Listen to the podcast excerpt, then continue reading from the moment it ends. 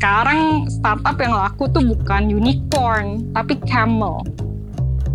Camel meaning Tuh. banyak gitu isinya.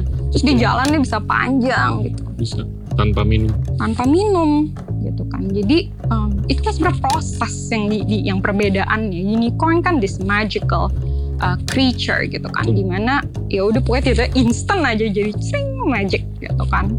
Kalau camel kan beda, padang pasir, minumnya cuma sekali-sekali, tapi dia bisa simpen Iya. gitu. Um, apa pelajarannya di jalan jauh sampai gitu. Inilah Endgame.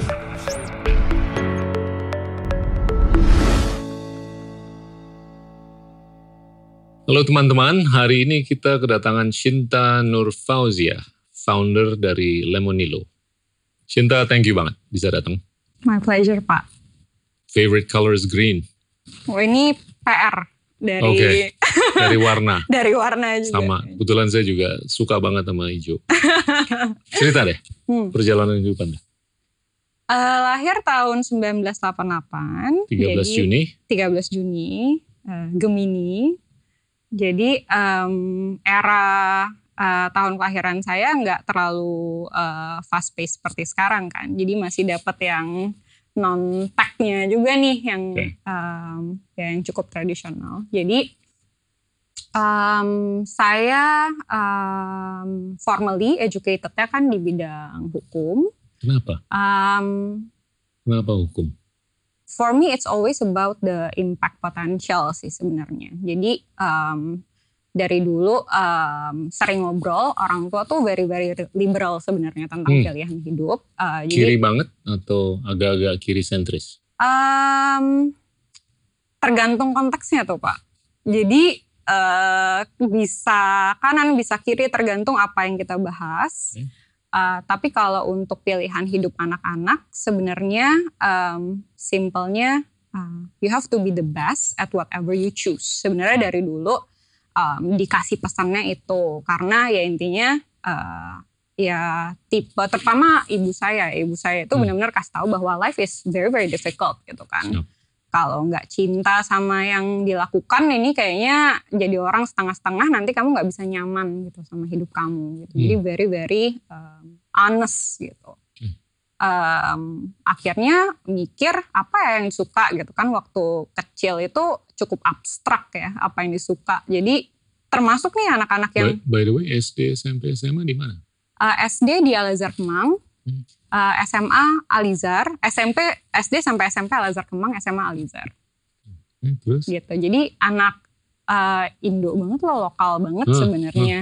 Um, nah cuma memang yang menarik waktu uh, SD SMP itu um, saya tuh bukan tipe yang apa ya yang disuruh-suruh belajar tuh Pak kalau menurut cerita ibu saya ya. Jadi emang dikasih tahu oh ya udah kamu kalau nggak belajar um, nilainya uh, jelek freedomnya agak-agak diambil tuh Hmm, sebagai anak kecil Oke, gitu. Kalau mau bebas harus berprestasi. Cara ngajarnya tuh kayak gitu. Jadi buat menarik. buat ibu saya eh, di keluarga itu um, eh, achievement itu equals to freedom sebenarnya. Gitu cara ngajarnya gitu. Jadi sebenarnya langsung kerasa tuh efek eh, achievement. Eh, mungkin ada orang yang oh kamu tuh harus pintar gitu kan nanti gedenya begini-begini. Nah kalau saya ya mungkin itu penting ya eh, buat semua anak dikasih tahu seperti itu. Tapi mungkin bedanya di saya langsung kerasa kalau achieve bebas, kalau nggak achieve nggak bebas gitu loh. Jadi um, Peran ibu sama ayah, mana yang lebih dominan? ah, ibu as with any ini kali ya uh, Iya. common family in Indo, tapi ibu pasti yang sangat-sangat Oke. dominan. Nah kemudian uh, waktu itu kan kalau di Al Azhar uh, Kemang tuh uh, SD tuh ada yang namanya uh, waktu itu belum ada kelas Axel tapi ada kelas berbakat. Saya ingat banget tuh saya pertama kali uh, tahu efek dari malas belajar uh, itu waktu SD. Jadi SD uh, kelas 2 kelas 1 masuk biasa. Kelas 2 tuh kalau di Al Azhar Kemang itu langsung ada tuh kelas berbakat atau kelas tidak berbakat. Agak lumayan. Ini sih ya kalau di konteks zaman sekarang kayaknya itu udah nggak boleh deh. Wow, Tapi kalau dulu di Al Azhar Kemang tuh ada kayak gitu. Jadi saya masuk kelas ya berbakat ah, ya kelas anak-anak yang lebih lebih tinggi lah ya nilainya. Terus kelas tiga atau kelas empat saya keluar gitu dikeluarin sebenarnya bukan keluar karena nggak nggak belajar gitu kan males sebenarnya nggak terlalu suka waktu itu sama pelajaran-pelajarannya. Nah efeknya dikeluarin kan. Nah dikeluarin itu eh, cara orang tua saya bukan kayak kamu harus masuk ke kelas berbakat gitu. Bukan bukan kayak gitu. Tapi eh, dikasih tahu bahwa eh, eh you know what? Tadinya tuh kamu eh, nilai segini sekarang segini gitu kan. Kenapa? Oh ya misalnya ada waktu itu kayak oh gurunya eh, kurang suka atau kurang jelas ya biasalah masalah-masalah anak kecil tapi kemudian eh, itu tadi yang freedomnya biasa bebas main. Jadi kalau sekarang udahlah Iya. eh, di rumah aja deh. Bisa ngapa-ngapain. Jadi kan kerasa tuh Hmm. nggak nggak nggak bebas nih. Hmm. terbelenggu. Jadi akhirnya uh, working hard uh, masuk lagi tuh kelas 5-nya uh, setahun kemudian tahun depannya masuk lagi. Dari situ saya tuh lumayan uh, orangnya achievement oriented gitu kali ya. Uh, karena simply saya udah terbiasa berpikir bahwa achievement tuh sama dengan uh, freedom Kebebasan. uh, kebebasan. Nah, waktu SMP uh, kayak gitu juga. Waktu SMP justru uh, lumayan lucu ditawarin masuk kelas akselerasi. Diskus sama uh, keluarga, dikasih taunya justru jangan masuk kelas akselerasi. Kenapa? Gitu. Karena buat orang tua saya penting bahwa saya menikmati uh, hidup saya sesuai tahunnya. Wow. Gitu. Jadi jadi justru saya tidak Setuju. pernah disuruh kayak, oh udah cepet-cepet, nggak ngapain, ngapain cepet-cepet Setuju. gitu. Jadi eh, udahlah kelas yang Takut si- nanti kedewasaannya atau apa nggak? Iya gitu. Well kalau sekarang sih ngerti ya ternyata kan dunia kerja itu beda banget sama dunia sekolah gitu. Betul. Jadi eh, for my family let kids eh, be kids gitu. I think that's the message. Jadi em, tetap achievement itu juga nggak usah terlalu sampai bikin kita tersiksa. Hmm. Em, yang penting bikin kita mengenali diri aja gitu eh, dan bebas berekspresi. Nah dari situ SMP eh, memutuskan eh, SMA-nya kayaknya pengen pindah deh gitu kan. Pengen pindah ke sekolah negeri sebenarnya waktu itu. Pengen banget. Tapi em, buat orang tua tuh em, ada ketakutan tentang bullying ya. Eh, kalau di sekolah negeri di Indonesia ini jujur-jujuran aja. Eh, jadi waktu itu memang akhirnya udahlah masuk eh, swasta dulu Ya. gitu. Udah deh masuk Alizar dari Alizar em, waktu itu udah tahu gitu pengen masuknya hukum. Nah saya ngerasa kayaknya kalau pengen masuk eh, hukum pengennya masuknya UI. Nah pengen masuk UI, saya nggak tahu kenapa saya ngerasa hidup saya itu kayaknya usahanya harus giat baru bisa dapet yang saya pengen. Saya bukan tipe yang terlalu lucky. Ada orang yang nganggep kayaknya I'm lucky in life gitu ya. Oh, iya. Jadi nggak usah usah-usah amat kayaknya dapet aja gitu. Kalau saya ngerasanya saya tipe yang harus usaha banget. Jadi justru pingin em, kalau bisa skip tes UI bisa nggak ya? Gitu. Ada kan jalurnya skip tes UI lewat jalur prestasi. Jadi waktu itu ngejar ngejar banget supaya nggak usah pusing. Apakah saya lucky enough nih untuk bisa lewat jalur yang biasa? Akhirnya masuk di hukum. Dari situ. Oh. Terus Well, suka enjoy ya? Enjoy dengan hukum. enjoy. So I explored a lot of things uh, di FHUI.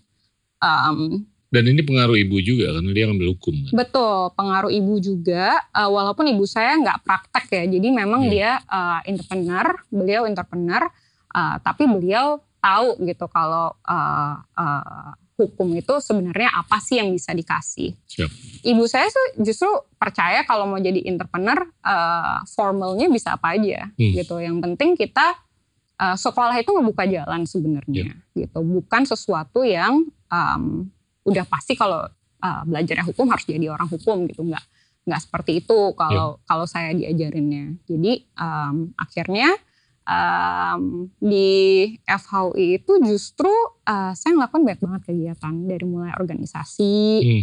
yang standar-standar lah ya ya uh, BEM uh, kalau di uh, UI ada yang namanya ALSA Asian Law Student Uh, terus kemudian ada juga uh, apa namanya muting Uh, jadi muting tuh kayak mock uh, court terus represent Indonesia ke beberapa negara so I did it juga Oke. uh, lumayan banyak sih yang dikerjain di sana. Uh, terus sempat coba-coba usaha sendiri juga, jualan tas lah, jualan ini lah, jualan apa, sempat jualan juga. Jadi um, Untung? Um, untung sih tapi susah karena waktu itu nggak ketemu um, apa ya founders ya kalau saya tuh tipe yang saya ngerjain sendiri itu fokusnya di mana kalau fokusnya masih sekolah otomatis akhirnya uh, usahanya nggak terlalu Hmm. jadi fokus. Ya.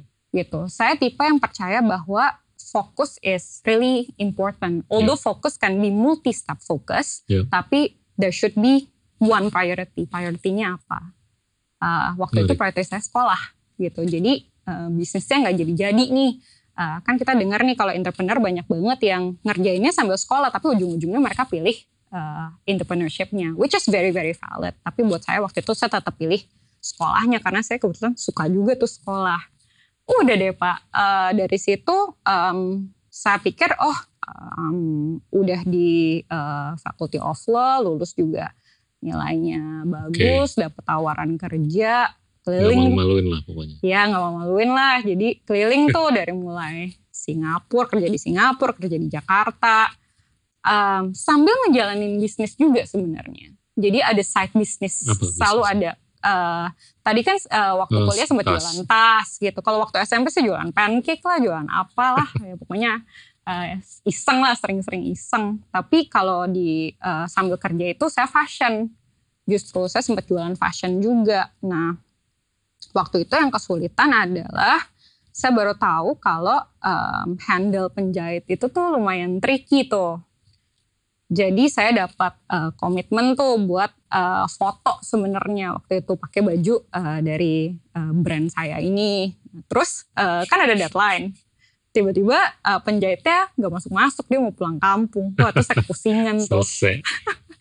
Nah cuma karena saya jadi lawyer juga susah kan tuh Pak Gita. Kalau jadi Mau gugat. kalau saya waktu itu jadi lawyer, wah kerjaan lawyernya juga banyak. Jadi akhirnya again itu bukan jadi priority. Um, intinya sih galau sih mungkin. In my twenties mau jadi apa? Terus nerusin Hmm, saya di total- Amerika. betul betul. Saya Setelah berapa tahun kerja? lima tahunan. Jadi lima tahunan kerja, sempat bantuin uh, UKP Keliling gue lawyering lima tahun. Betul. Terus ada kesadaran mau sekolah lagi. Kenapa tuh? Karena galau. Oke. Jadi em, saya ngerasa bahwa justru di em, karir fokus saya waktu itu kayaknya jauh nih dari apa yang em, saya targetkan untuk diri saya. Saya tuh selalu percaya bahwa em, impact itu tuh em, menjadi matriks utama saya, walaupun itu abstrak gitu. Jadi eh, impact itu apa sih gitu kan matriksnya. Sebenarnya to be very honest for a lot of people it's also abstract gitu Ya. kan. Tapi Menarik. Kita tahu gitu apa sih yang menjauhkan kita. Hmm. Walaupun kita mungkin nggak tahu persis em, translasi impact itu seperti apa, tapi kita akan connect nih feelingnya. Hmm. Kalau kayaknya makin jauh. Nah, waktu itu saya ada bell yang ring. Ah, kayaknya ini makin jauh nih dari potensi impact yang saya pengen kejar di dalam hidup saya. Udah deh. Tapi kamu ngambil bidang yang sama juga waktu nerusin Hmm. sekolah. Hmm. Saya sih pingin brandnya sih Pak, jujur ya. Oke. I'm glad you confessed. Gini, Indonesia itu brand centric. Iya. Sekolah itu brandnya open doors. Bener nggak Pak Gita? Iya.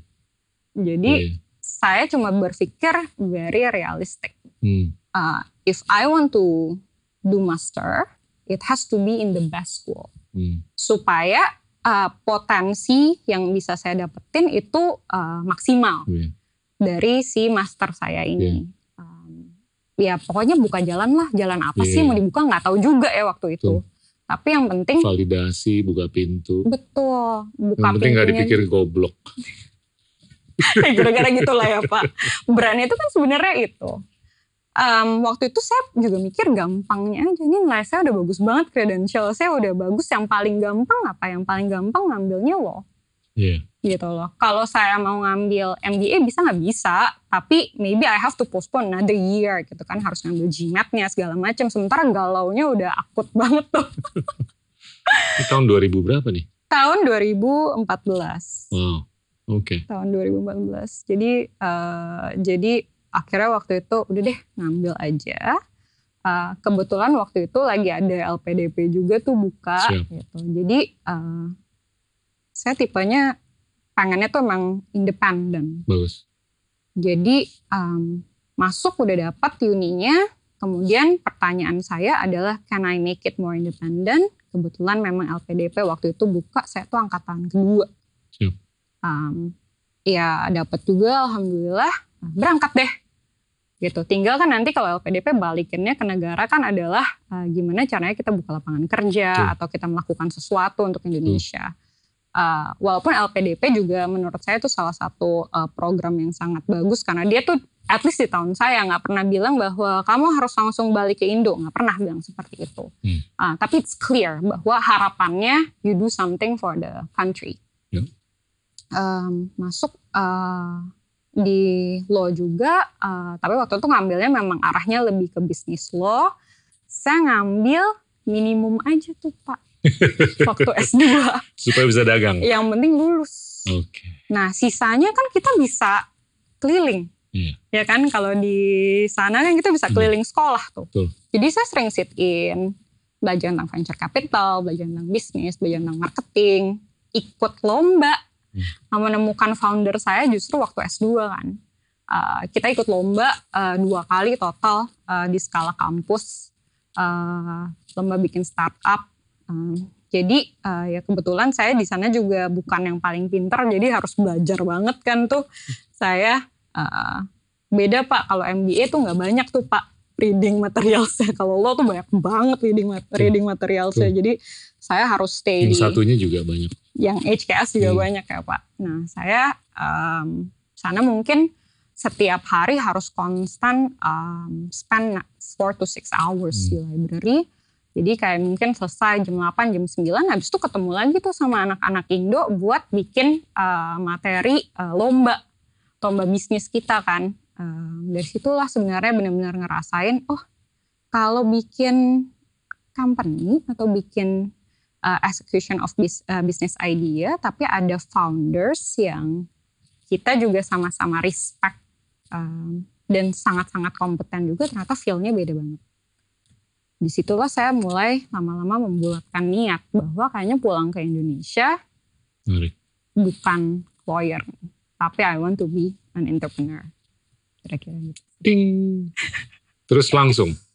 Langsung, jadi, oh gini, langsungnya gini, Ide Lemonilo lahirnya di mana? Oh tentu tidak, tentu tidak langsung menjadi lemonilo. Liku-liku juga. Nah. Jadi waktu itu um, diajakin kan um, sebenarnya startup founders uh, di Indo itu kan banyak uh, anak-anak ya Cambridge juga kan um, dan kita kenal lah satu Banyak sama yang ngajak. Ah, sebenarnya di dalam tuh kayak gitu gitu kan. Gini, eh yuk bikin bisnis bareng gitu kan. Maksudnya bikin startup bareng. Nah kebetulan waktu itu saya sama partner saya yang sekolah di sana Jo Johannes itu kita tuh yang dua paling mikir panjang. Gitu kayak iya nggak ya iya nggak ya iya nggak ya. Kenapa? Karena ya kita dua-duanya udah dapat tawaran kerjaan gajinya oke-oke tuh.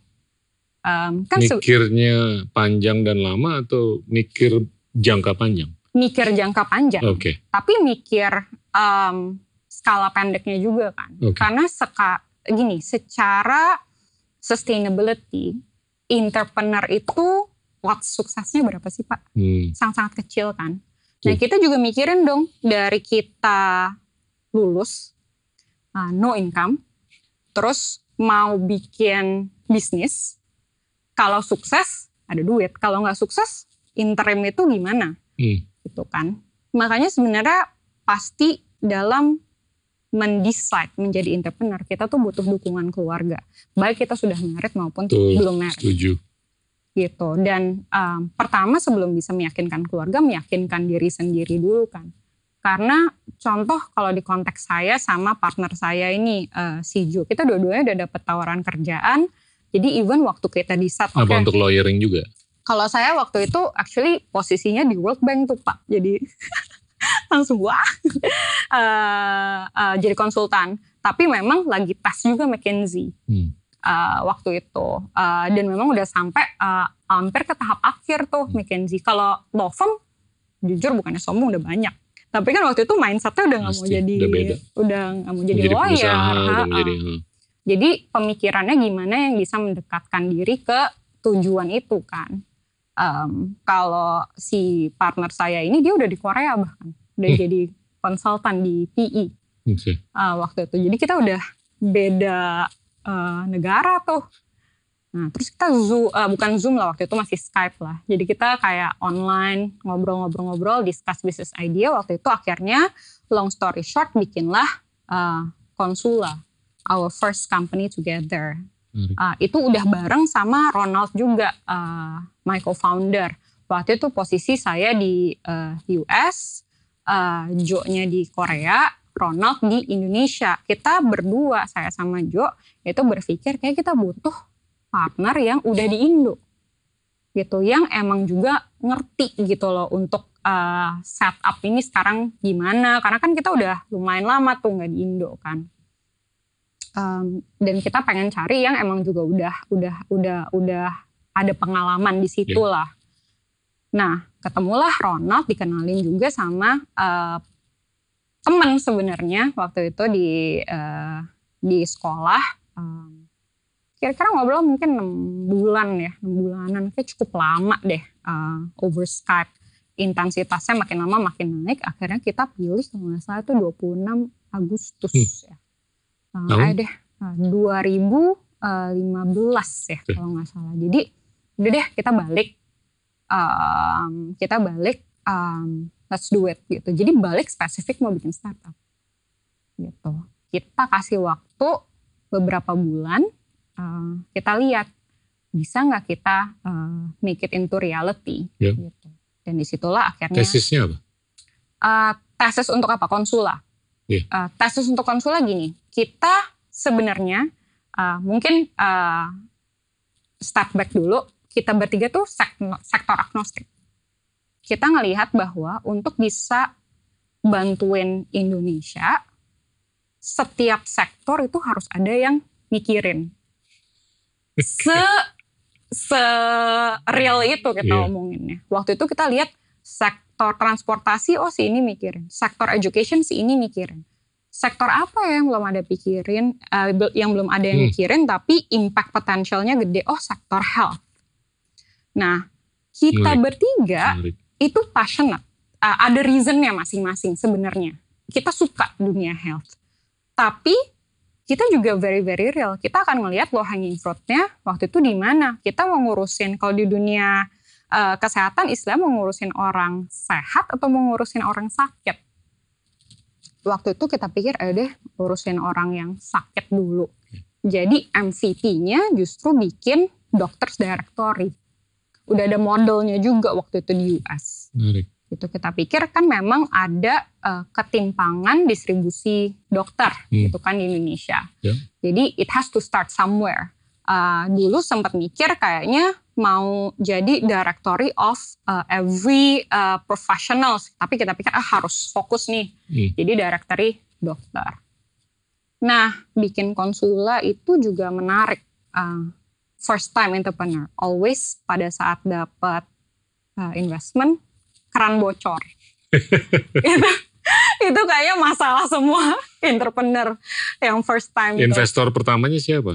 Investor pertamanya itu Bukan isi- keluarga. Bukan. Oh, well, kalau yang pertama pasti duit sendiri dong, duit sendiri keluarga itu Hmm. udah pasti dong. Tapi kalau insti- institutional investor eh, ada lah. Oke. siap. Uh, terus kemudian di konsula itu kita ngelihat bahwa um, kita nggak dapet sih produk market fitnya waktu itu.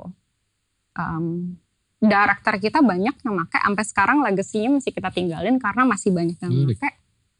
Uh, SEO-nya juga masih bagus banget. Um, tapi solusinya kayaknya nggak cukup bagus sampai bikin orang pengen bayar. Hmm. Every company have to find our source of income, Hmm. ya kan? Kalau nggak ya kita nggak sustainable. Hmm. Um, ya kita pikir um, bisa nggak uh, ini ditransform? Sempet tuh uh, untuk uh, teleconsultation juga waktu saat itu. Tapi kemudian kita nyadarin bahwa we're not passionate enough on that particular solution. Sekarang udah ada yang jalan. Exactly gitu. Tapi anakronistik, timingnya aja, Hmm. iya kan? Hmm. Nah, saya sih percaya waktu itu bukan salah solusinya ya. Tapi kita juga sebagai entrepreneur harus secara jujur kan, kita the best people nggak sih to do that Siap. gitu. And bisa sih sebenarnya skillnya dibangun over time, tapi uh, are we going to be very very passionate gitu about that gitu? Karena kayaknya emang sih kalau orang tuh zaman sekarang ngomong kayak ya udahlah passion itu nomor sekian, tapi kalau buat kita I think kita bertiga, passion itu justru yang drive everywhere. Karena for some period as an entrepreneur, you won't have any money coming in. Gitu. Jadi yang ngedrive sebenarnya adalah passion dan the potential impact aja yang kita kejar. Yang kayaknya kalau yang ngejalanin tiap hari tuh kayaknya wah gila ini kapan nyampainya ya? kayaknya jalan terus tapi nggak ada ujungnya. Um, kita pikir oke okay, let's regroup ya Oke. kalau kita pengen di dunia kesehatan, apalagi yang kita bisa tackle di dunia kesehatan ini? Pivot. Pivot, Setelah Oh. berapa tahun? a year, 2016. 2016. 2016, pivot into uh, what would be Lemonilo today. Jadi, um, kita justru ngelihatnya itu awal-awal MVP-nya tuh simple banget sih sebenarnya uh, Instagram gitu kan. Jadi dari mulai info grafis, kemudian kita bikin uh, curated marketplace uh, untuk produk-produk healthy. Uh, apa sih tesisnya gitu kan? Kita ngelihat bahwa kalau kita ngomongin potential impact, uh, kalau di bidang yang uh, kesehatan, salah satunya itu kan kita lihat deh uh, angka kematian Indonesia tuh apa sih gitu kan source-nya. Hmm. Ternyata 60 persennya penyakit tidak menular gitu kan. PTM itu apa sih? Oh ternyata penyakit jantung, penyakit uh, diabetes, stroke. It all correlates to the lifestyle Ya. gitu kan. Jadi apa nih yang bisa bisa kita ubah gitu untuk bisa bantuin Indonesia dari segi healthier lifestyle. Oh ternyata uh, education awareness-nya juga penting. Hmm. Tapi awareness itu kalau kita istilahnya mau jadi source of income, how sustainable it is. Yang kedua sebenarnya yang nggak ada demokratisasi waktu itu adalah produknya. Betul. Gitu, produk uh, healthy itu waktu itu all import. Hmm. Gitu, only very very top population lah yang bisa reach reach that. Kita pikir, ya deh kita kita kita lihat nih, kita bisa nggak ngasilin uh, income-nya dari situ. Kita kerjain education-nya, uh, tapi kita kerjain juga uh, produknya. Hmm. Tapi waktu itu kita nggak langsung bikin produk tuh Pak Gita. Menarik. Karena kita kan nggak ada duit juga ya buat bikin produk kan. Jadi Ini Yang- advokasi doang. betul yang kita lakuin actually ya kita bikin website deh. Terus kita lihat nih sekeliling UKM-UKM kita ada nggak sih yang bikin produk yang closer to what we want, closer aja. Jadi nanti over time kalau kita bisa buktiin sama teman-teman UKM ini bahwa produknya laku, Hmm. maka mungkin kita bisa bantu mereka untuk ngebetulin. Hmm. Nah, masuk mereka meyakinkan segala cara untuk masuk ke website lemonilo.com. Waktu itu MVP-nya uh, yang versi 2 itu adalah website kita kerjain dua minggu tuh sebenarnya. Bikin website, kurasi dari awal kita juga udah tentuin standar sehat menurut Lemonilo apa. Karena sekali lagi sehat itu abstrak. Brand Lemonilo-nya udah langsung didirikan Udah. 2016 itu. Udah 2016 udah pakai nama Lemonilo. Nama juga bingung kan waktu itu. Akhirnya pilih Lemonilo.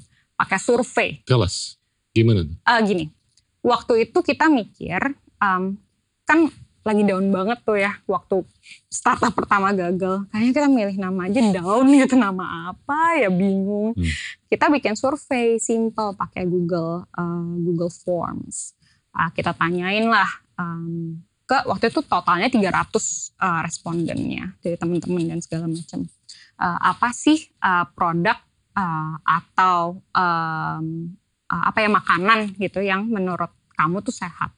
Jadi dapatlah lemon, ginger, olive. Ini menurut orang-orang Indonesia yang sehat tuh Hmm. di Indonesia tuh itu.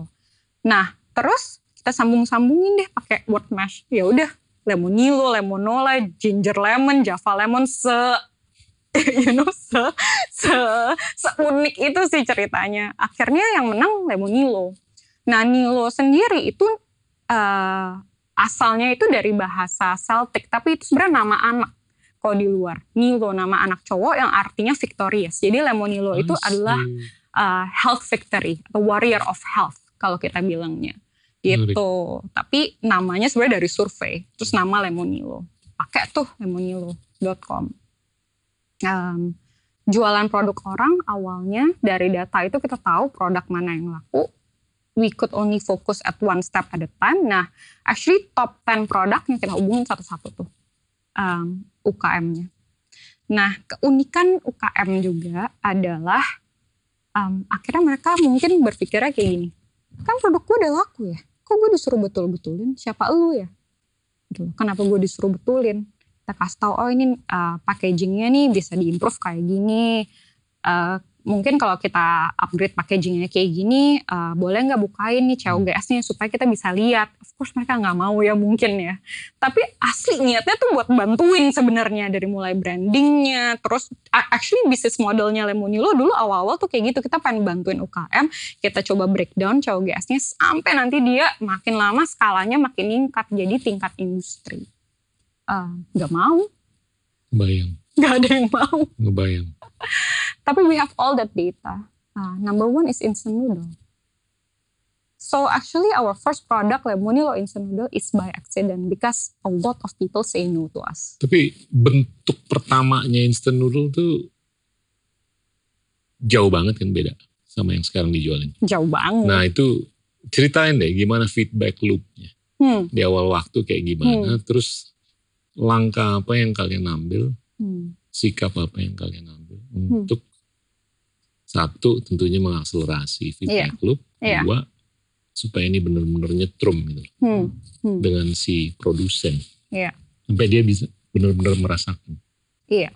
Jadi Lemonilo itu selalu sebenarnya polisinya adalah we always go to the original uh, manufacturer supplier. Siap. gitu karena itu adalah komitmen Ya. gitu tapi if the manufacturer keeps on saying no and we know that people need it and then we figure it out. But the bottom line is we have to be very very honest Hmm. gitu to each other. Maka waktu itu sebenarnya dari Lemonilo um, kita ngobrol kan ke suppliernya. Nah suppliernya ngomong kayak gini waktu itu untuk yang keluarin uh, instant noodle pertama. Kok produk saya sih yang di kotak atik bikin aja produk sendiri? Gitu. No kidding. gitu Menarik. pak. Jadi kita pikir what why not oke. We'll do it. Jadi kita bikin dia produk sendiri. Gile. dengan semua feedback loop yang waktu itu kita udah punya Wah dia mulai- gigit jari tuh. halo pak. Kalau nonton. Um, dari feedback loop yang udah tahu kan waktu itu uh, 2016 kita luncurin Lemonilo 2017 tuh pertama kali kita luncurin uh, our instant noodle jadi it takes us a year before we finally decide Dan siapa yang mau dan bisa bikin produk kalian? oke yang pertama itu Mom and pop atau agak-agak semi gede gitu? uh, UKM sih pak awalnya. Wow. UKM Satu Awalnya aja sama-sama. atau beberapa yang diberdayakan? awalnya pasti satu kan gak ada duit pak waktu itu orang saya sama partner saya masih kok bungkus-bungkusin sendiri dengan berusaha pakai QC kita pakai sarung tangan segala macam tapi kita Keren. masukin kita nggak bisa juga waktu itu bayar silinder bayar packaging Iya. jadi kita ya udah dah beli stiker Iya. tapi dari dulu udah ada visinya kalau mau bikin produk ujungnya kayak gini tapi on the Iya. way-nya udah pakai caranya eh, ini ya eh, MVP gitu. MVP-nya apa nih oke yang penting em, satu barangnya udah tahu nih instant noodle. Warnanya kita udah tahu nih kita pengen warnanya hijau. Eh, apa perbedaannya? Itu juga kita discuss. Perbedaan instant noodle-nya Lemonilo buat kita yang paling penting adalah free from kan? And all natural. Jadi healthy-nya Lemonilo sebenarnya dari tahun 2016 even pada waktu kita kurasi UKM kita tuh udah punya seratusan list of ingredients yang we commit as a company we will never use. Gitu. Kalau sekarang di bahasa marketing kadang kita cuma ngomong tanpa 3P, penguat rasa, pengawet, pewarna buatan. Tapi sebenarnya internally we Gila. have hundreds Gila. of list yang kita bilang no. Dan um, waktu itu kita even udah visionnya pokoknya kayak gitu deh. Kita Gila nih. Daring nih. Berani loh kalian. awal waktu kita mau masuk instant noodle, Agak-agak nekat nih sebetulnya. Iya. Iya kan? um, nekat dan Gila. Agak-agak gila. banyak banget yang bilang sama kita, are you crazy Hmm. guys? Itu instant noodle isinya siapa? Market cap-nya gede sih. Oke, terlepas dari itulah. Betul, tapi I mean Tapi yang ini aja pendekatan Betul. untuk ngebuang pre-existing atribut-atribut yang maksudnya harusnya yang bikin instant noodle tuh yang udah langsung gede pak. Kayaknya UKM atau tiga anak ingusan maksudnya tuh ngapain bikin hmm, nggak akan bisa gitu loh modalnya tuh segede gede alaihim mana mungkin sebenarnya konteksnya itu gilanya gitu loh jadi akhirnya em, kita pikir udah deh kita yang bisa apa sih gitu kan kita bikin free from listnya kita hubungin supplier yang waktu itu ada yang of Hmm. course skalanya sangat kecil kita bikin harus bake harus tanpa 3P tadi, tapi sebenarnya hundreds of ingredients yang kita larang. Em, tapi akhirnya ada limitasi-limitasi kan. Karena kalau misalnya kita pengen packagingnya udah super bagus, tuh harus invest mesin. Ya udah kita nggak punya duit, jadi yang ada aja deh. Adanya apa sih? Oh bisanya pilih material. Jadi kita pilih dari awal materialnya Lemonilo itu memang yang recyclable. Kita emang udah Keren. pokoknya maunya kayak gitu deh. Gitu. karena keterbatasan justru ya, Karena bukan karena kemuliaan. karena keterbatasan. The first Lemonilo instant noodle product itu stikeran pak. yang tahu kita dari tahun 2016 itu kalau beli itu udah stikeran itu saya masih nempel-nempel sendiri sama partner-partner saya. Gila. Masih kayak gitu. Terus bumbunya juga cuma kayak satu gitu. Kalau sekarang kan udah dipisah. Karena kan kalau bumbu mau dipisah itu kan sebenarnya itu harus invest mesin. Tapi dulu kita nggak bisa kan. Jadi ya udah feedbacknya kita kumpulin aja sambil kita targetin overtime harus lebih bagus. I- Itu berapa kali tuh harus nyubit diri untuk mastiin bahwa ini narasi yang benar. Hmm. Hmm. Kita itu Atau dalam hmm, waktu dekat tuh udah ketahuan. Ini kayaknya bakal terbang. enggak sih, enggak tahu. Agak-agak begini kan, pasti awalnya, Mm-mm. ya kan? Mm-mm. Baru begini kan. Mm-mm. Nanti waktu begininya kan agak-agak gelisah juga tuh. Tapi you gotta keep Hmm. reminding yourself, this is the right thing, this is the Hmm. right thing. Nah itu kolektif atau lebih individu? Kolektif Kalian pasti. bertiga tuh keep reminding each other, Yes. keren. Kita itu ah honest banget sih itu each other. Iya ya. gitu. Emang dari awal sih kelihatannya begitu kedengerannya. Mm-mm, mm-mm. Sangat-sangat honest dan uh, we are our biggest critic ya, I think ya to each Hmm. other. Um, but we know we share the same passion gitu, bahwa visinya tuh memang dari awal untuk Indonesia kok, gitu untuk ya memang kita awalnya pasti Indonesia dulu lah. Kita nggak usah ngomong the world dulu. Kalau buat kita bertiga, Sepenting apa co-founders tuh punya kapasitas untuk agree to disagree. Dan Hmm. Sepenting apa untuk masing-masing tuh punya kapasitas untuk bisa menyelesaikan disagreement tersebut. hmm, Gimana tuh? Hmm. Kalau saya, yang saya percaya, agree to disagree itu actually very very healthy. Iya. But we must never lose our respect to each Iya. other. Jadi nggak apa-apa kalau misalnya ternyata nggak setuju gitu. Tapi respectnya nggak boleh hilang. Even kita lagi argument, we have to be respectful Hmm. towards each other. Dan akhirnya memang karena kan kita bertiga, awal-awalnya tuh um, ya um, istilahnya kayaknya uh, jadi kayak suara gitu kan. Uh, harus siapa dua lawan satu. Tapi akhirnya kita tahu bahwa kita harus memilih fokus masing-masing. Siap. Gitu. Jadi kalau misalnya lagi di fokus yang bagiannya Shinta, yang NC-nya NC Shinta. Kalau yang fokus bagian Ronald, NC-nya bagian Ronald Hmm. gitu. That's how we manage agree to disagree. Hmm. Uh, at the end of the day, we have to trust uh, Pasti. the other person bahwa Pasti. this person will make the best decision for that particular problem. Dan keseringan untuk atau frekuensi untuk memainkan devil's advocate tuh tinggi nggak? Supaya diskusinya lebih kaya. Itu selalu sih, Selalu ya. selalu kita Ya. setiap minggu itu sampai hari ini kita ada uh, co-founders meeting Ya. dan itu kita bertiga um, um, selalu kasih tahu honest opinion sih. Iya. Um, tapi memang Oke, kalau honest Hmm. opinion sih boleh lah. Dan Hmm. kadang-kadang atau sering kali nggak sepadan kan satu sama lain. Tapi Hmm. kadang-kala juga kalau saya lihat tuh kekayaan entrepreneurship itu adalah kapasitas siapa pun untuk memainkan peran. Hmm, dengan kesengajaan. Hmm, untuk menyuarakan aja devil's advocate hmm, hmm, hmm, supaya gini loh divergensi dalam iya, pemikiran dan challenge, percakapan itu penting.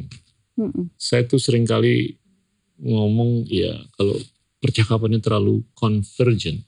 Hmm, itu nanti konformis dan Hmm. konformis itu nggak terlalu bagus kalau menurut saya, hmm, hmm, hmm, hmm, ya kan? Karena kita nggak bisa ngelihat blind spot, kita nggak bisa mengantisipasi Hmm. blind spot. hmm, Pleset, hmm. Saya senyum karena um, I think the habit gitu ya Iya. of being the devil's advocate it starts from the founder tapi even tuh di Lemonilo sekarang everybody is like that kita tuh punya policy keren. di kantor um, nggak boleh ada yang takut uh, sama Shinta sama Betul. Ronald sama Joe You gotta gitu ya. democratize it. Exactly. Jadi um, kita tuh creating uh, sistem di mana um, orang-orang ini harus jadi lebih pinter dari Hmm. kita dan they have to be given the outlet juga untuk merasa bahwa they're the expert, right? Keren. Um, dan ya kasih tahu kita gitu kalau um, memang uh, ada sesuatu gitu, ada sesuatu yang nggak kita lihat ataupun just to challenge gitu kan. Betul. Um, uh, benar nggak sih gitu loh Hmm. bahwa misalnya next produknya tuh ini, kenapa ini gitu Ya. loh. Oke. Hmm. Terus tahun pertama jualan berapa? Berapa bungkus? Hmm, jutaan sih pak. Maksudnya tahun pertama dikit, tahun pertama ribuan, Ribuan. ya ribuan. 10 ribu, single digit ribu. Hmm, gini, kita kan satu karton isinya eh, 20. Waktu itu sih belum pakai karton ya, mungkin 1000 lah awalnya tuh kita cuma berani 1000 pieces sold out dalam berapa lama gitu. Kita pengen lihat.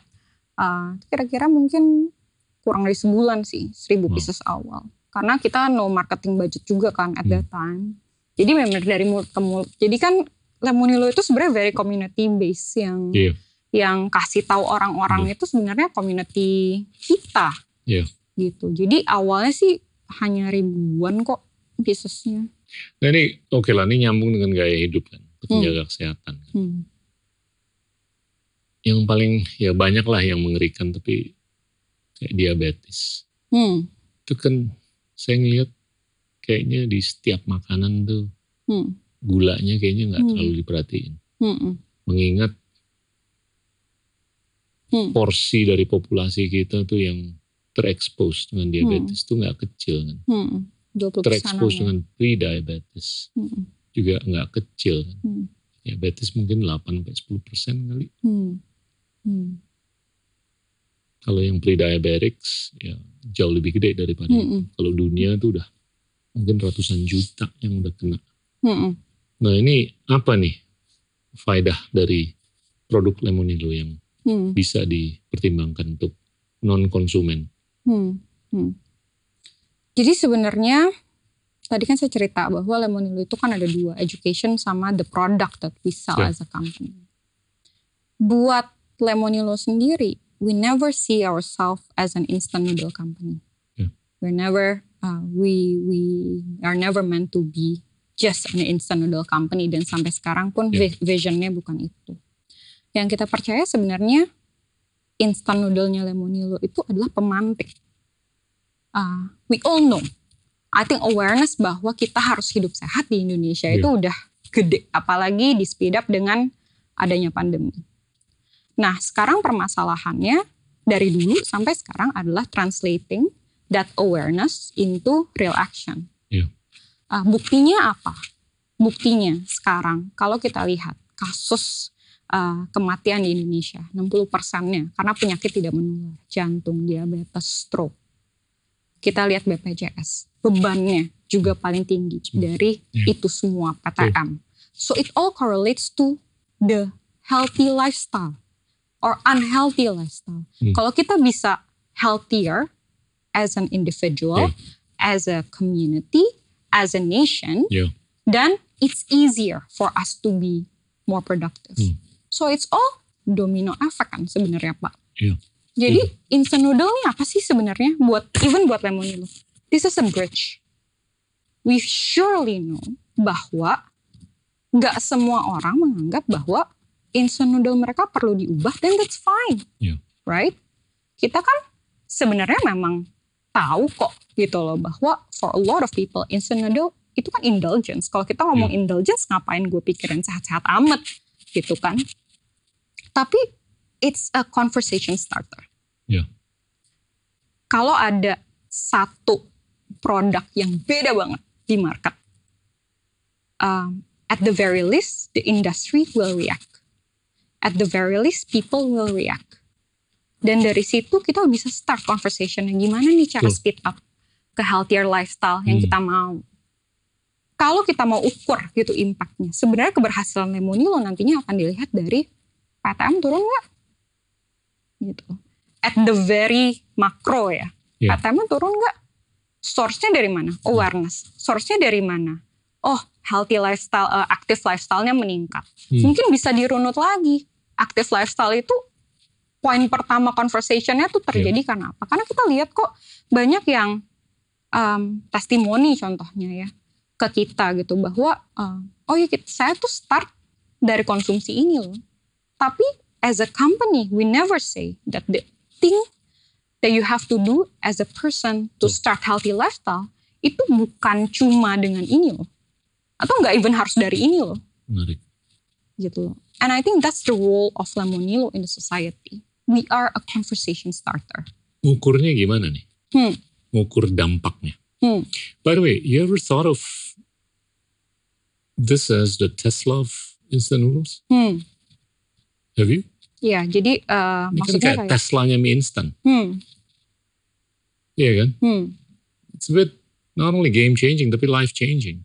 hmm, Nah ini kan tinggal gimana product proposition ini dipakai untuk Hmm. bisa ngukur pulsanya dari hulu ke hilir. hmm, Perilaku, gaya hidup manusia tuh kayak gimana. betul. I mean you can branch out into so many different products Yes. yang encompassing tujuan utamanya. Yaitu menyongsong hidup sehat sebagai individu kayak komunitas kayak lurah, kabupaten, provinsi, negara, bangsa dan Ngelihatnya sebenarnya kayak gini nih Pak Gita. Um, if we are successful Yeah. in doing this, in educating the importance of healthy lifestyle, justru mungkin the paradox is we are not gonna be the only player in this That's industry, okay. right? And That's that's that's what we want. yeah, your actually. movement has basically had an effect.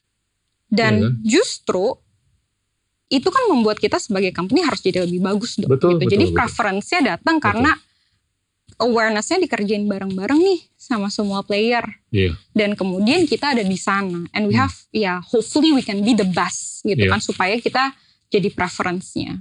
Siap. Tapi we realize bahwa this this notion, this movement is too big untuk bisa dihandle Hmm. uh, or di support by only one company. Jadi sebenarnya kita juga ngeliat gitu, impactnya apa sih kayak tadi pagi tanahnya. Kita sekarang supaya impartial, uh, internally kita lagi ngobrol nih sama beberapa uh, organization sebenarnya yang bisa bantuin kita ngukur uh, impactnya gitu. Uh, beneran gak sih gitu. Buat kita sendiri kita juga pengen tahu nih education yang uh, kita udah invest ini tuh what is the effect for the country. And this is an ongoing process. Karena sekarang ini kita masuk ke tahun ke-6. As a company, again tadi, we have the freedom to do whatever we want. Kalau kita juga bisa proof bahwa ada sustainable income Iya. di situ kan. Makanya buat any company sebenarnya bukan berarti kalau kita mau ngejar impact maka revenue nggak jadi penting kan. Revenue is very very important. So then we become independent Iya, iya. we can do whatever we Benar. want Ah, and then we can focus on the impact It it helps to have money hmm. If and when you need to propagate certain values Hmm. into others. Hmm. It doesn't help if you don't have any money.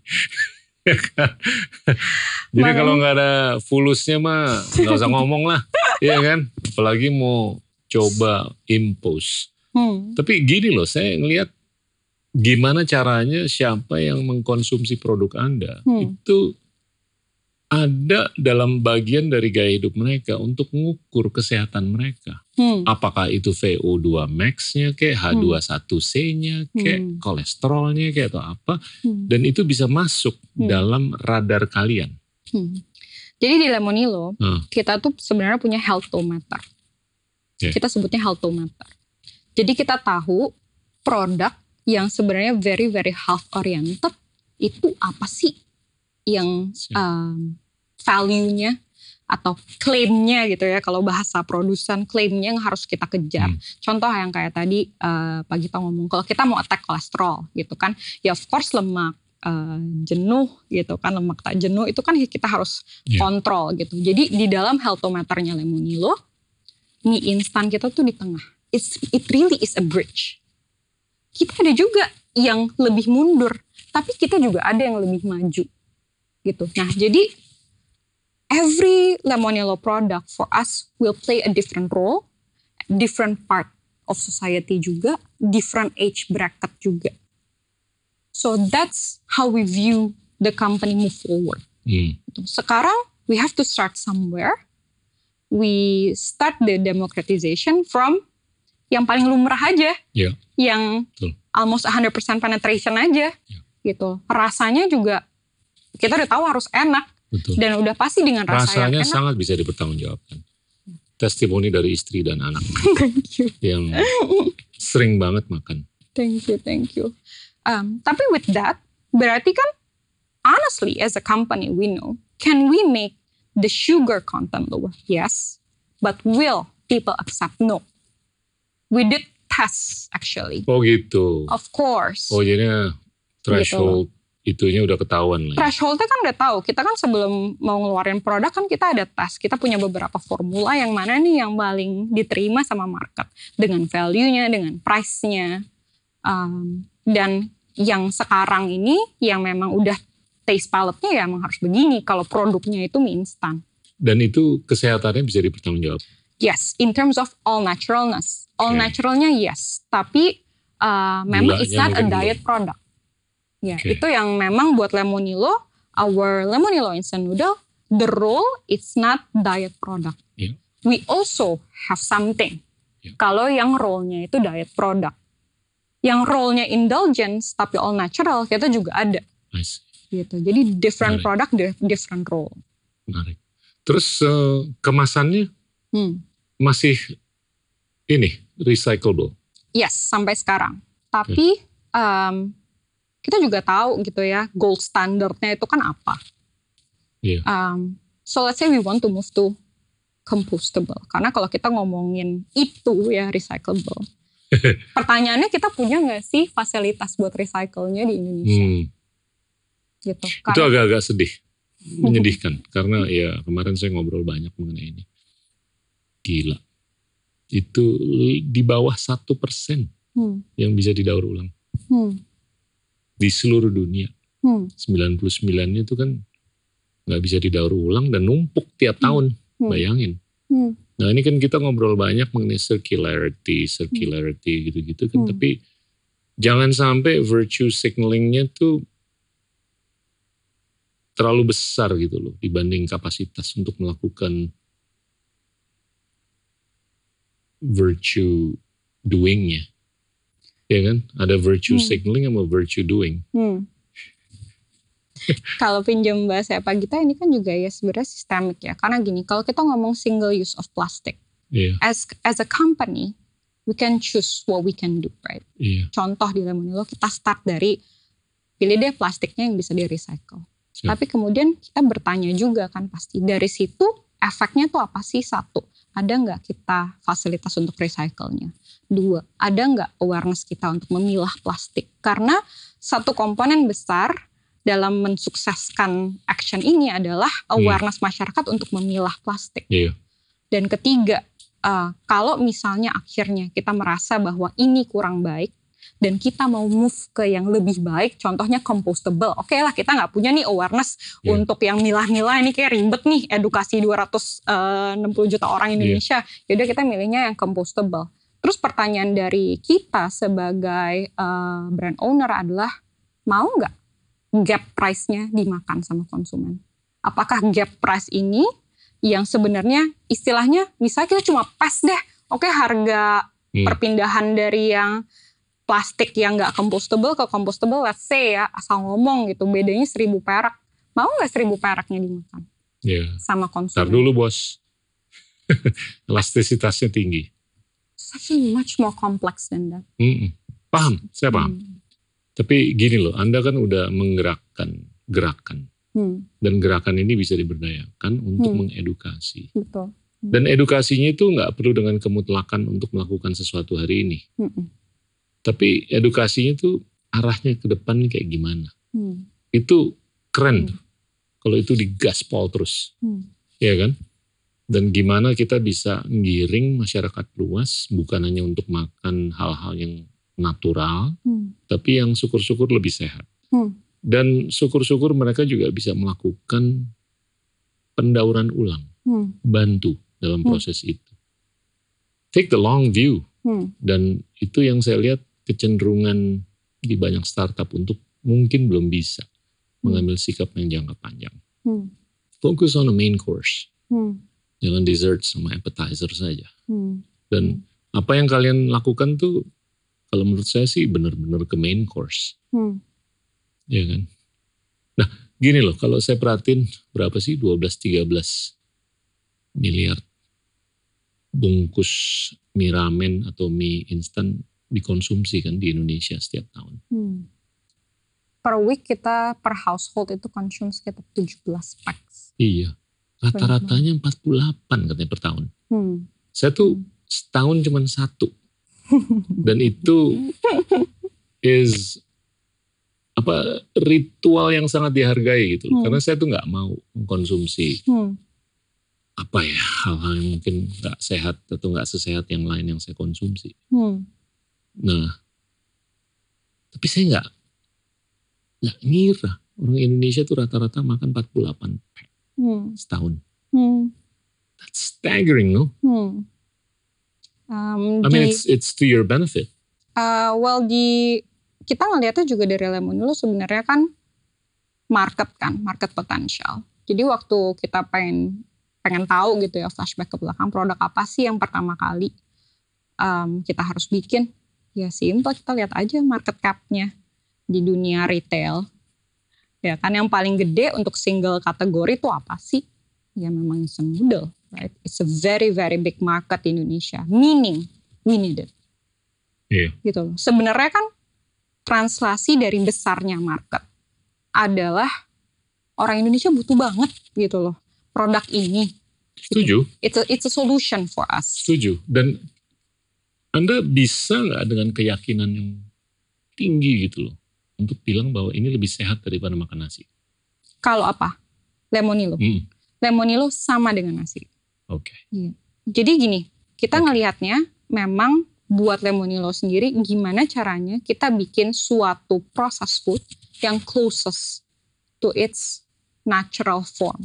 Oke. Contohnya kan kalau misalnya kayak kita ngomong karbohidrat, Iya. Equal itu kan kalau di Indonesia nasi gitu Iya. kan. Nah kita bisa nggak seclose mungkin dengan yang homemade? Kita of course ada perbedaan misalnya sugarnya, uh, natriumnya gitu Siap. kan. Tapi harus closest. Hmm, So that's the thought process of Lemonilo. Kenapa sih all natural gitu kan? Why gitu? hmm. Karena kita tahu processed food is a problem of its own gitu. How to make it less problematic gitu kan sebagai processed food. Gitu. So that's the ongoing uh, conversation kalau di company. Sekarang market share kalian udah berapa? Ya lumayan lah pas single digit aja. Oke. Mm-mm. Tapi it's pretty damn good. Baru berapa tahun kan? Hmm. Hmm. Um, market share itu kan sebenarnya ya itu rahasia umum lah ya. Kita kan bisa Hmm. beli gitu di di di Indonesia. Kita kita bisa lihat. Um, for us, um, it's important uh, because in a way itu bisa jadi cara kita ngukur impact, cara Iya. kita ngukur education Lemonilo. Siap. Um, tapi kita juga menyadari gitu bahwa um, ya udah kita fokus aja deh sama diri kita. Iya. Gitu. Kenapa saya ngomong itu? Karena kalau kita peduli banget gitu kan sama market share, berarti kan kayaknya ini zero sum game gitu loh. Iya, iya. No, no. I, I, I- don't mean it. Saya nggak nggak bermaksud ke sana ya. Tapi Hmm. untuk untuk ngukur aja nih Hmm. skala kalian. Hmm. Dan selama kalian tuh punya keyakinan dan kepercayaan bahwa produk yang kalian bikin itu adalah the best. Hmm. Iya kan? Selesai. Hmm. Iya kan? Hmm. Itu kalau menurut saya kepuasan batin yang paling utama. Hmm. Daripada ngeliatin valuasi kayak Betul. Pangsa pasar kayak atau Betul. bottom line atau apa. Hmm. Itu kalau menurut saya itu sekunder. Hmm. Yang primer adalah ini produk yang terbaik apa enggak untuk masyarakat. Hmm. Betul. Untuk menuju ke hidup sehat Betul. bangsa dan negara. Betul. Nah, sedikit deh kita ngulik mengenai hulunya. Hmm. Berapa pengusaha UMKM yang diberdayakan? Hmm. Dan tenaga kerjanya berapa? Kasih gambaran deh. Hmm. Angkanya sih kalau di uh, manufacturer partner kita Hmm. ya ribuan ya pasti yang kerjain Ribuan? ribuan Wow. yang kerjain. Dan masing-masing jumlah tenaga kerjanya Produk juga nggak kecil kan? Mm-mm. Karena kan pasti kalau di pabrik kan ada buruh pabrik yang Hmm. juga kita pekerjakan untuk membuat uh, sesuatu seperti mie instan dan kemudian chipsnya Lemonilo juga. Oke. Jadi uh, indirectly karena kita kan memang uh, ada partner manufacturer dan Hmm. ada juga masuk manufacturer tapi directly and indirectly ribuan orang yang dipekerjakan oleh Lemonilo. Yang diberdayakan berapa tenaga kerja? Ratusan ribu atau jutaan? Uh, tenaga kerja ya Pak, Ah, ribuan sih Pak. Kenapa Ribuan. saya masih ngomongnya skala ribuan? Karena kan memang sekarang juga memang ada optimisasi dalam teknologi manufacturing kan. Siap. Gitu. Jadi memang arahnya ke sana. Oke. Oke. Ngobrol banyak nih. Ke depan gimana sih? Hmm. Ini biasanya di ujungnya kita ngobrol mengenai menuju 2045. Hmm. Visinya gimana? Hmm. 2045 ngomongin Indonesia emas, kita ngomongin um, generasi yang produktif, generasi yang emang edukatif, supaya kita bisa jadi top 4. Berarti poin penting di situ kalau untuk mengoptimi optimasi uh, potensi kita ya harus sehat dong badannya, mentalnya. Hmm. Tuh, Kalau kita sakit ya kan nggak mungkin tuh bisa produktif. Hmm. Nah kalau kita ngomongin harus sehat, maka salah satu yang penting pasti adalah dari asupan, selain dari lifestyle. Setuju.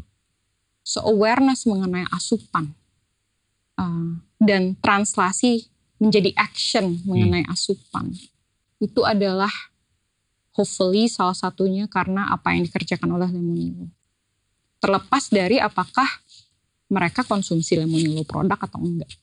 Gitu ya hopefully konsumsi Lemonilo produk. Tapi kalau misalnya kita lihat tadi misalnya PTM-nya eh, penyakit tidak menularnya bisa berkurang, eh, diabetesnya itu mungkin speednya nggak secepat ini, um, penyakit jantung juga speednya nggak secepat ini. I think we're going to be very happy as a company. Um, healthy space, kalau Indonesia makin sehat pasti makin gede, Iya. gitu. Dan hopefully salah satu player yang besar di situ adalah Lemonilo. Amin. Dari Indonesia, kita tentu harapannya juga bisa membawa healthy trend Indonesia ke luar. Udah kan? Udah diekspor kan? Udah sih Pak, tapi kan lebih banyak. Udah berapa negara? Em, sekarang em, kalau yang kita buka office sebenarnya baru satu di US. Di Tapi US. di US. Wow, kenapa? Em, karena awarenessnya udah di sana. Oke, karena Iya. mereka lebih health conscious gitu-gitu ya. Actually awareness itu salah satu marketing yang paling Iya. Jadi kita pikir kalau awarenessnya udah di sana, ya kita tinggal jual aja produknya. Em, tapi em, yang nggak resmi kita udah lihat nih testimoni bahwa Lemonilo ada di Australia. Itu gimana dibawa koper, I think dibawa dijual koper. di sana? I think dibawa koper. Karena Oke. trading Oh, kita belum juga dipetik emas. eh, belum. Trading kita baru mulai justru. Tapi memang kita udah ada di Eropa, di Australia, di Taiwan, di Jadi Eh, ibarat kata negara-negara yang maju lah, yang udah di atas, yang lebih conscious. Ada niat nggak sih ke protein? Ini kan non protein nih. Kalau ya sorry ya, saya kalau niat nutrisi orang Indonesia itu kan kebanyakan gula, Mm. terus kurang protein. Ya Iya, kan konsum, konsumsi proteinnya. Ada nggak sih Iya. pemikiran ke sana? iya. eh, replacer ya, jadi plant based ya maksudnya bapak ya. Ya, tempe, Iya. kecipir, Ada dong. edamame. Iya. Itu kan proteinnya kaya banget Iya. daripada beli daging yang mahal. Iya. Daging konsumsinya cuma 3 kilo per orang per tahun. Iya. Sulit lah untuk catch up dengan Jerman, Brazil yang Mm-mm. konsumsi 50 kilo per orang per tahun. Iya. Sapi ya, daging sapi. Eh, ada sih kita memang kalau riset kita memang lagi kerjain Eh, investment kita juga lakuin Eh, ada di salah satu eh, plant based alternative company Eh, yang kayak tadi sebenarnya saya cerita bahwa arah healthy ini kan gede banget gitu ya Um, dan plant based alternatif uh, particularly protein kan salah satunya juga. Nah kita ngelihatnya gini, ini apakah sesuatu yang kita kerjain sendiri atau ada orang yang kita juga bisa percayain Hmm. untuk kerjain itu. Um, kebetulan memang Lemonilo juga make uh, just little investment uh, on this uh, Siap. karena kita ngelihat bahwa ya emang harus harus dikerjain. Uh, tapi untuk yang package foodnya kita juga memang lagi pikirin gitu gimana caranya bisa move ke plant based juga. menarik. Oke. Kalian kan didukung oleh institusi yang terjebak dengan siklus tujuh tahun. Iya kan? Gimana tuh? Kadang-kadang percakapannya tabrakan kan? Karena kalian udah membuktikan diri bisa berpikir jangka panjang. Jangka panjang itu kan lebih panjang daripada tujuh tahun. Gimana tuh untuk menselaraskan kepentingan Mm-mm. dan filosofi dan ideologi? Hmm. Kita sih sebenarnya cukup beruntung uh, Pak Gita bahwa di dalam boardnya Lemonilo um, sebenarnya banyak juga yang memang long term. Um, karena kalau kita ngomong bikin brand, bikin brand itu sebenarnya bukan kerjaan tahun single digit itu puluhan tahun. The Betul. best brands in the world actually. Betul. The creation and maintenance happen long time. Hmm. Gitu. Dan um, kita juga masih belajar untuk melakukan itu. Usia kan juga baru masuk tahun ke-6 Um, kalau yang memang um, sekarang gitu ya yang punya um, periode itu short. Biasanya kita memang ngobrol sih kita minta extension gitu. Jangan dong jangan tujuh tahun ya. Jujur ngapain lagi ya pak? Jangan tujuh tahun dong jangan 8 tahun. Eh, istilahnya kan kalau bahasa investor exit exit plannya kita masih pikirin kok begini begini begini gitu cuma Saya nggak mau direct ke situ. Saya mau, saya mau coba sih setinggi mungkin lah supaya tapi itu kan Pak yang ditanya. Tapi I think people, uh, you'll be very surprised. Um, keterbukaannya ada. iya, karena menurut Oke, let me be very Iya. direct. Iya. Kalau di board meeting berikutnya, waduh, tiba-tiba eh ini ada yang nawarin nih hmm, hitam di atas putih. Hmm. Angkanya juga hmm, nggak jelek banget. hmm, Lu kenapa nggak telan aja nih? hmm, hmm, hmm, Itu kan agak tabrakan kan hmm, dengan ideologi kalian betul, kan. betul, betul. Dan apalagi yang Hmm, nawar tuh mungkin yang gede banget hmm, yang kita nggak tahu keinginan ke depannya kayak gimana hmm. terkait dengan barangnya Anda. Mungkin yang paling penting yang harus ditanya adalah apa tujuannya. Oke, dijawab tujuannya mulia sekali, tapi you have Hmm. no control. Well, of- if we have no control, how can we control that, gitu kan? Iya, tapi tawarannya tuh sangat menggiurkan. Well, karena saya lulusan hukum juga, saya akan memastikan that we still have the control over the future of the company. Oke, bagus lah, bagus. Idealismenya masih ada. Itu yang saya mau pastiin. Karena jangan sampai buyar. Iya kan? Gila loh kalian udah sempet ngerasain carry, Hmm, iya kan? Pivot, hmm, bootstrap kayak orang gila. hmm. Terus sekarang udah enak nih rasanya. Jangan sampai. Si berjuang juga Pak, pasti. Iya, Hmm, makanya perjuangan ini kan harus berkesinambungan. Betul. Ya siap-siap aja, kayak begitu-begitu bakal datang. Hmm, Iya kan, episode-episode seperti itu. hmm, Apalagi hmm, menuju 2045 hmm. Indonesia. Waduh banyak Pak. Jadi satu kalau kita ngomongin dari Lemonilo, tadi domino effect tentang kesehatannya. Kedua, I think as a woman I also want to talk about women empowerment. Buat saya juga itu kan Good. penting. Ini, nih, ini observasi saya. Hmm, hmm. 60-70% dari juara kelas SD, SMP, SMA, universitas tuh cewek. I have a theory for that, but anyway. Apa pun teorinya, tapi ini bahaya nih untuk laki-laki ke depan. Masa? Pasti dong. Hmm. Saya ngelihat masa depan laki-laki ini at risk. Saya nggak percaya Pak Gita Oh enggak, enggak, enggak, gitu. enggak, tunggu dulu. Ini nih, nih ngobrol jangka panjang, 4, 2045, Oke, bukan 2 tahun. oke. Jadinya kalau bekalnya nih kayak begini di mana yang Hmm, bersinar di Hmm. sekolah nih cewek. hmm, Dan secara empiris kinerja hmm, dari perusahaan yang gender diversity-nya hmm, ada atau Hmm. tinggi. Hmm, Empiris nih, hmm. Bagus. return-nya jauh lebih tinggi dibanding yang nggak ada gender diversity. Hmm, Yang cowok nih, they better be careful. hmm, Karena bakal kesalip nih, hmm, Iya kan? Apalagi udah terbukti dua setengah tahun terakhir dengan WFH hmm, bisa disiasati hmm, hmm. untuk cewek yang wah, stres mikirin dia harus Hmm, jaga rumah tangga, hmm, harus di rumah, nggak bisa kerja, nggak bisa Mm-mm. mikirin karir lagi. Eh ternyata gue bisa ngurusin anak, hmm, gue bisa kerja dari rumah, hmm, ya kan? Hmm. Jadi optionalitiesnya lebih banyak. Nah ini kalau menurut saya keren nih untuk women empowerment, hmm, ya kan? You you're a manifestation of a successful gender diverse Hmm. proposition. hmm, hmm, ya kan? Dan ini kan inspirasi untuk cewek-cewek di sana, hmm, di luar. hmm. Dan kalau ini benar-benar scale up, waduh, Hmm, yang cowok-cowok nih yang nggak Hmm. bisa jadi juara kelas, ya kan? Ya udah. Dan sekarang udah kelihatan pipeline-nya hmm, lebih terdominasi oleh cewek, hmm, hmm, ya kan? Di perusahaan-perusahaan. Jangan lihat yang di atasnya aja, yang di Hmm. atasnya ya nggak ada lah gender diversity atau belum kelihatan. hmm, Tapi ini mikir 10, 20, 25 tahun ke depan, I think it could be starkly different.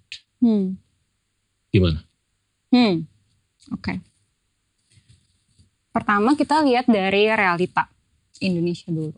50% perempuan, 50% laki-laki. About the Yeah. same. Right, Still think?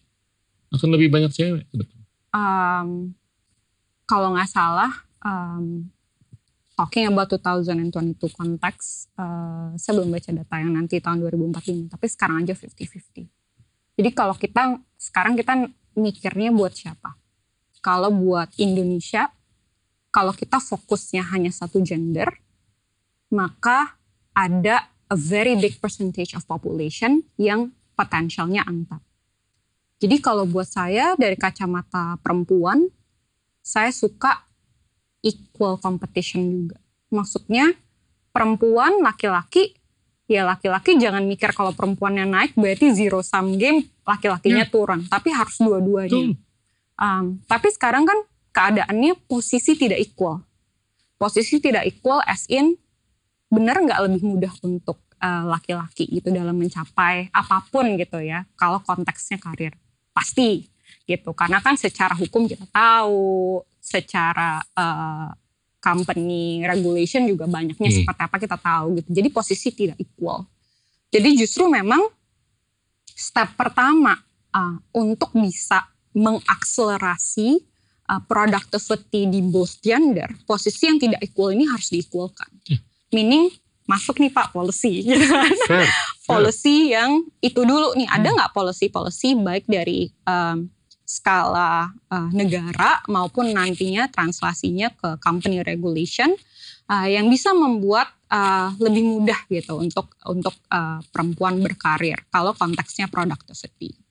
Nah, kenapa sih uh, sebenarnya kayak Pak Gita bilang gitu kan, uh, kok uh, perempuan ini kayaknya sekarang banyak yang ranking gitu ya. Um, kayak istilahnya uh, kalau dulu perempuan ambisius tuh kayaknya wah gitu. Tapi Iya. kalau sekarang kan semakin banyak gitu. I think with this with the transparency of information juga. Hmm. As a woman, we know that um, the road itu lebih bumpy buat perempuan karena perbedaan posisi tadi gitu. Jadi no disagreement. Jadi kayaknya Iya. buat perempuan ya udah deh kerja lebih keras aja karena ya maksudnya kita mau nyalahin siapa emang realitanya begini gitu. Jadi I think translasinya akhirnya oh kayaknya jadi banyak yang ranking, kayaknya sekarang di up to middle management jadi lebih banyak yang ambisius gitu. Walaupun tadi Pak Gita bilang atasnya belum nih. Tapi the thing is women itu tahu core-nya setiap women itu punya tanggung jawab untuk narik women. Dan itu mungkin yang tidak ada di ya saya bisa bukan laki-laki tapi saya bisa bayangin mungkin di laki-laki tidak ada. Karena mungkin laki-laki juga berpikir ya mensana in sano ya kalau misalnya laki-laki ya. Ya pokoknya lu kerja keras kalau lo bisa lu pasti nggak butuh bantuan lo naik gitu. Tapi kalau perempuan kita tahu. Paham. pushingnya harus tariknya juga harus gitu. Jadi mungkin karena justru kita ada di posisi yang tadi tertekan dan lebih sulit jadi kita juga bahu membahu gitu untuk naikin so Paham. the I think the message gitu untuk perempuan-perempuan yang sudah mendaki dan ada di atas adalah gimana caranya mungkin di level organisasi kita sendiri kita mulai deh tuh bikin equalnya itu mulai dari kita aja Paham. We're not disagreeing here. hmm. I think you're actually echoing, if not punctuating my point. Hmm.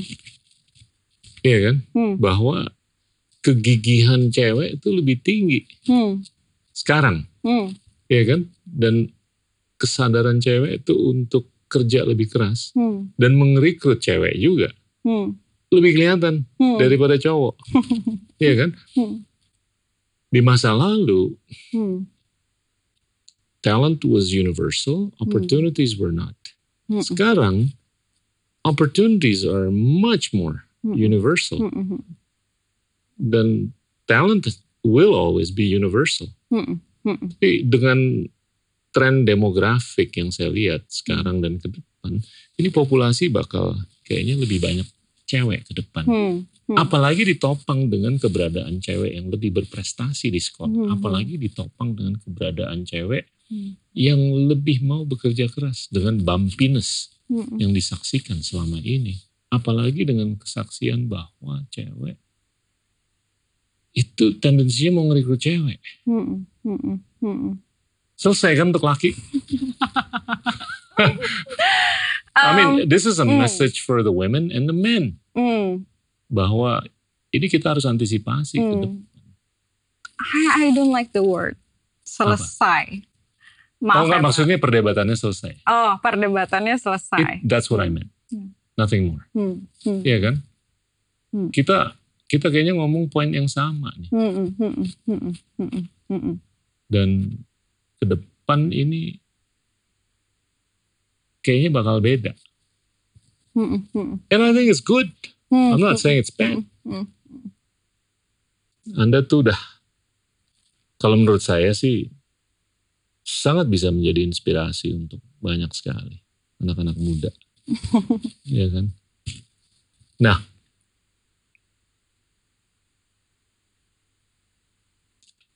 is there anything you would have done differently? Hmm. dengan pengalaman Hmm. ngeloyering kayak belajar Mm-mm. hukum kayak Mm-mm. pivot kayak atau apa Hmm. apa in hindsight Hmm. Buat saya, yang nggak bisa dicari itu personally waktu. siap Jadi ada nggak yang uh, harus diubah? Kalau menurut saya, ya, I ya I will think that I I I I did my best gitu ya untuk bisa di posisi ini. Um, tapi poin bahwa waktu itu sangat penting. I think we we know as a human being. Tapi kita tuh sebenarnya nggak terlalu sadar-sadar amat gitu kayak awarenessnya ada tapi Hmm. actionnya nggak juga gitu kan. Um, jadi I will be more cautious gitu of time and I am very cautious right now with time juga gitu. Um, um, what is gitu the impact of misalnya uh, not doing X stuff gitu yang sebenarnya very very important. Kadang kan ya gratification itu ya terjadi lah ya di Indonesia kayak entar lu deh entar lu entar lu gitu. Dan kayaknya banyak gitu sebenarnya itu masalah waktu ini sistemik juga gitu. Banyak hal saya lihat di Iya. di organisasi, di individu, di pemerintahan kayaknya waktu ini terlalu dianggap enteng sehingga postponing akhirnya ada ada systemic effect. Jadi to the young Shinta, I will say like be cautious of time. To the future Shinta, I will say be cautious of time. Gitu. Waktu itu kayak tabungan gitu. Kita start small, Iya. think it's not important.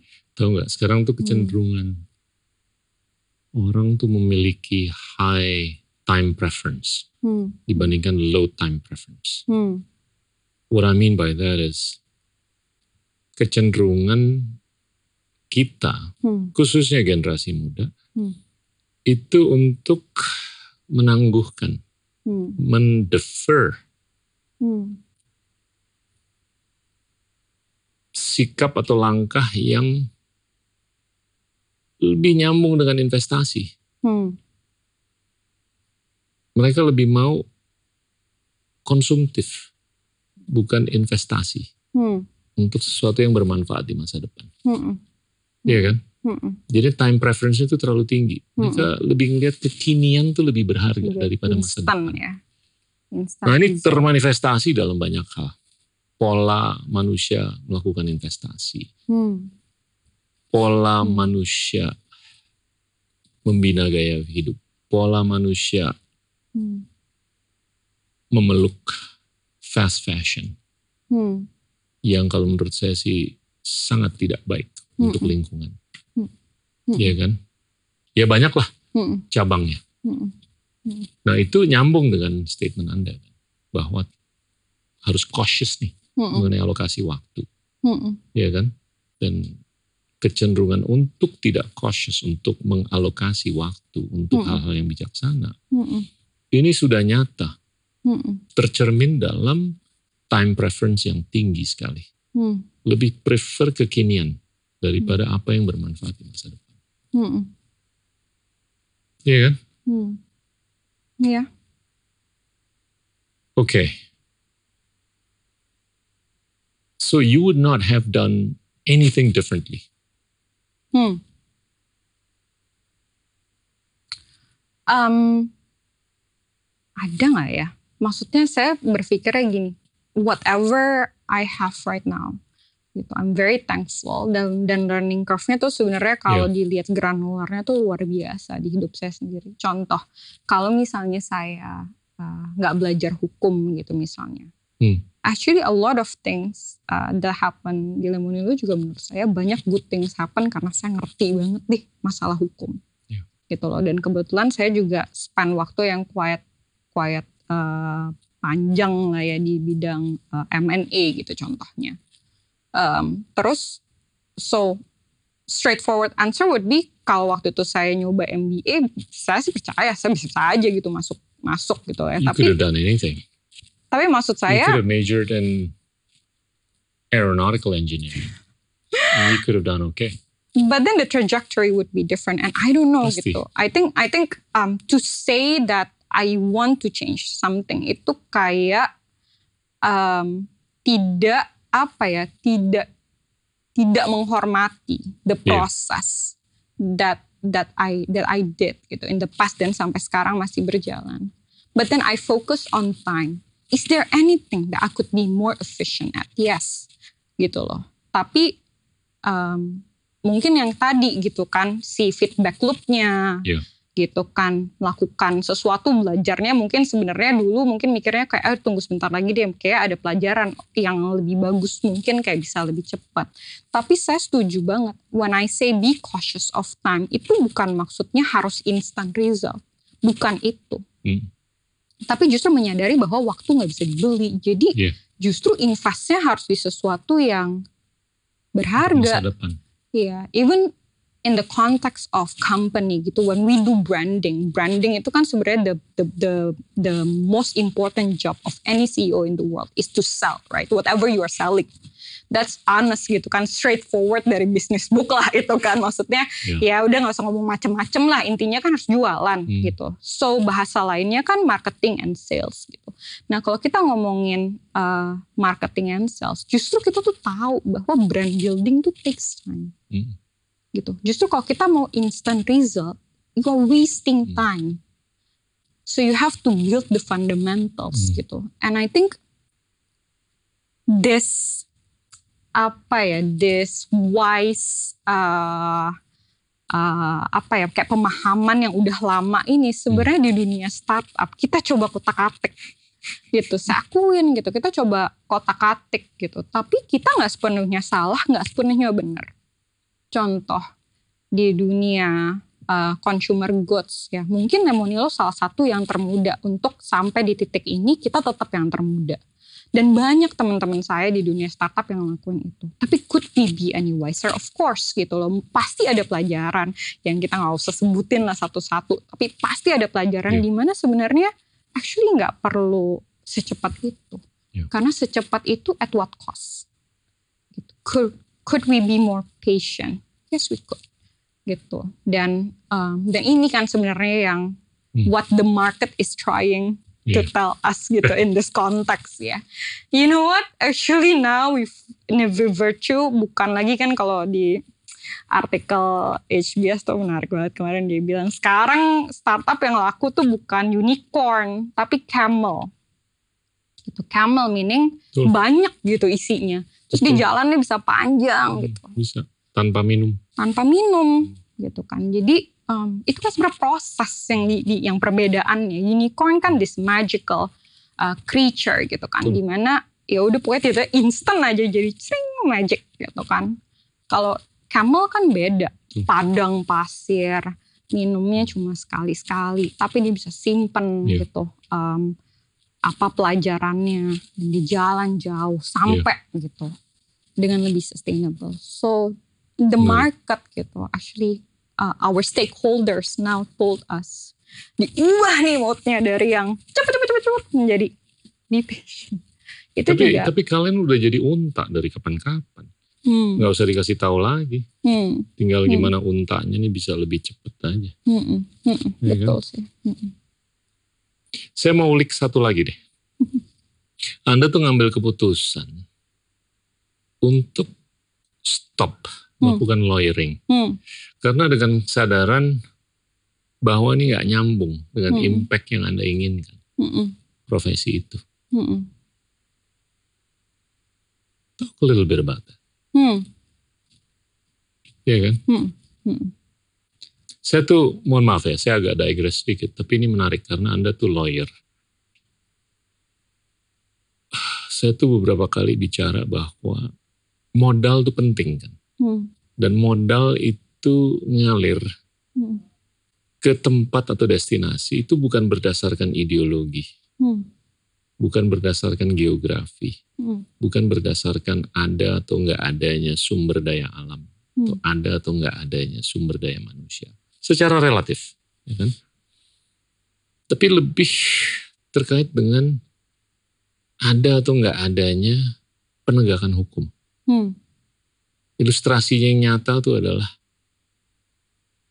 foreign direct investment ke Thailand, Filipina, sama Indonesia. Hmm. Di masing-masing negara itu per orang per tahun 100 dolar. Hmm. Sedangkan di Singapura itu 19 ribu dolar. Singapura tuh konsisten membuktikan diri ke dunia bahwa mereka tuh adalah a nation of law. Hmm. Sayangnya yang lain as a nation of lawyers. Do you have any views on this? Hmm. Sebenarnya um, saya belajar hukum karena saya percaya bahwa uh, kepastian hukum itu adalah modal basic fundamental suatu negara dan memang Indonesia belajar. Um, saya rasa kita lebih baik dari tahun-tahun sebelumnya, tapi pasti ya di mana aja ya Pak, bukan di Indonesia aja kok to be very fair gitu. Pasti masih ada yang harus diperbaiki. Siap.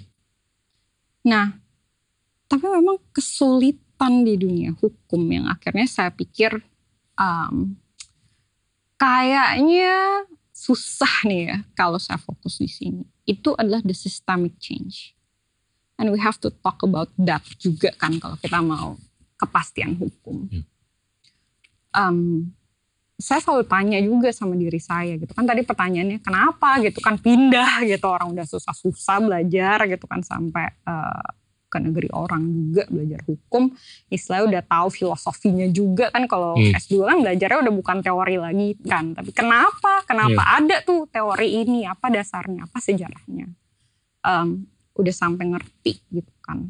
Um, dan saya merasa bahwa ini tuh butuh sesuatu yang sangat sistemik Ya. di Indonesian context, I honestly believe the culmination is not in my generation. Uh, I am in my 30 right Yeah. now. Um, I always ask the best productive time gitu kan. Sebenarnya kapan sih gitu kan? Kalau kita sebagai manusia gitu kan, of course kita punya orang-orang yang masih bekerja sampai umur 70 tahun. Tapi pada saat kita umur 70 tahun udah beda pasti energi levelnya.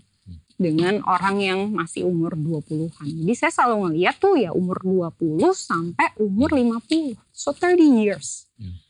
Gitu kan. So in 30 years, if I have to focus my uh, passion, my energy in a sector, um, what it would be yang bisa uh, impact potentialnya tuh gede.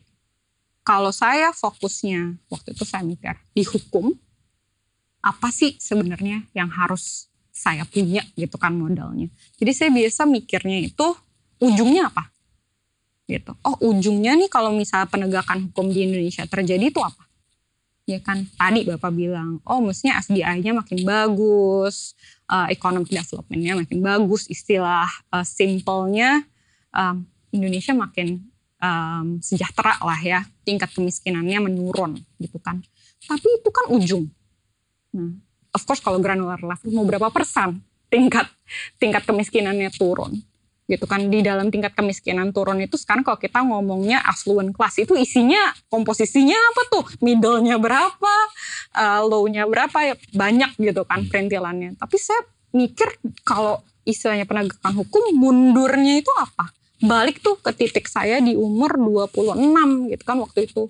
Kalau mau jujur apa yang seharusnya udah saya punya sekarang selain diri saya sendiri saya lahir orang Indonesia, jadi saya tahu ada beberapa hal yang secara fundamental itu bu- bukan saya yang bisa start.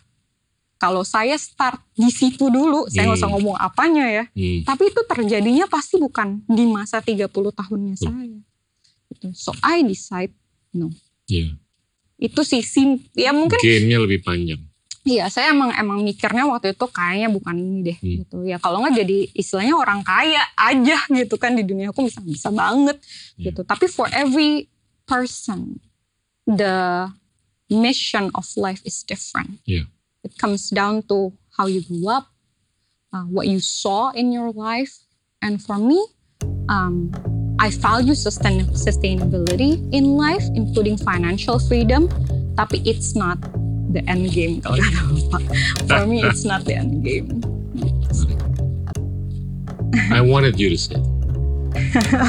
oh gitu ya. Iya. That's good. Hmm. I think you should go around and inspire anak-anak muda. Deal? Siap. Thank you. Thank you Pak. Ya. Teman-teman, itulah Shinta Nur Fauzia, founder dari Lemonade. Terima kasih. Inilah Endgame.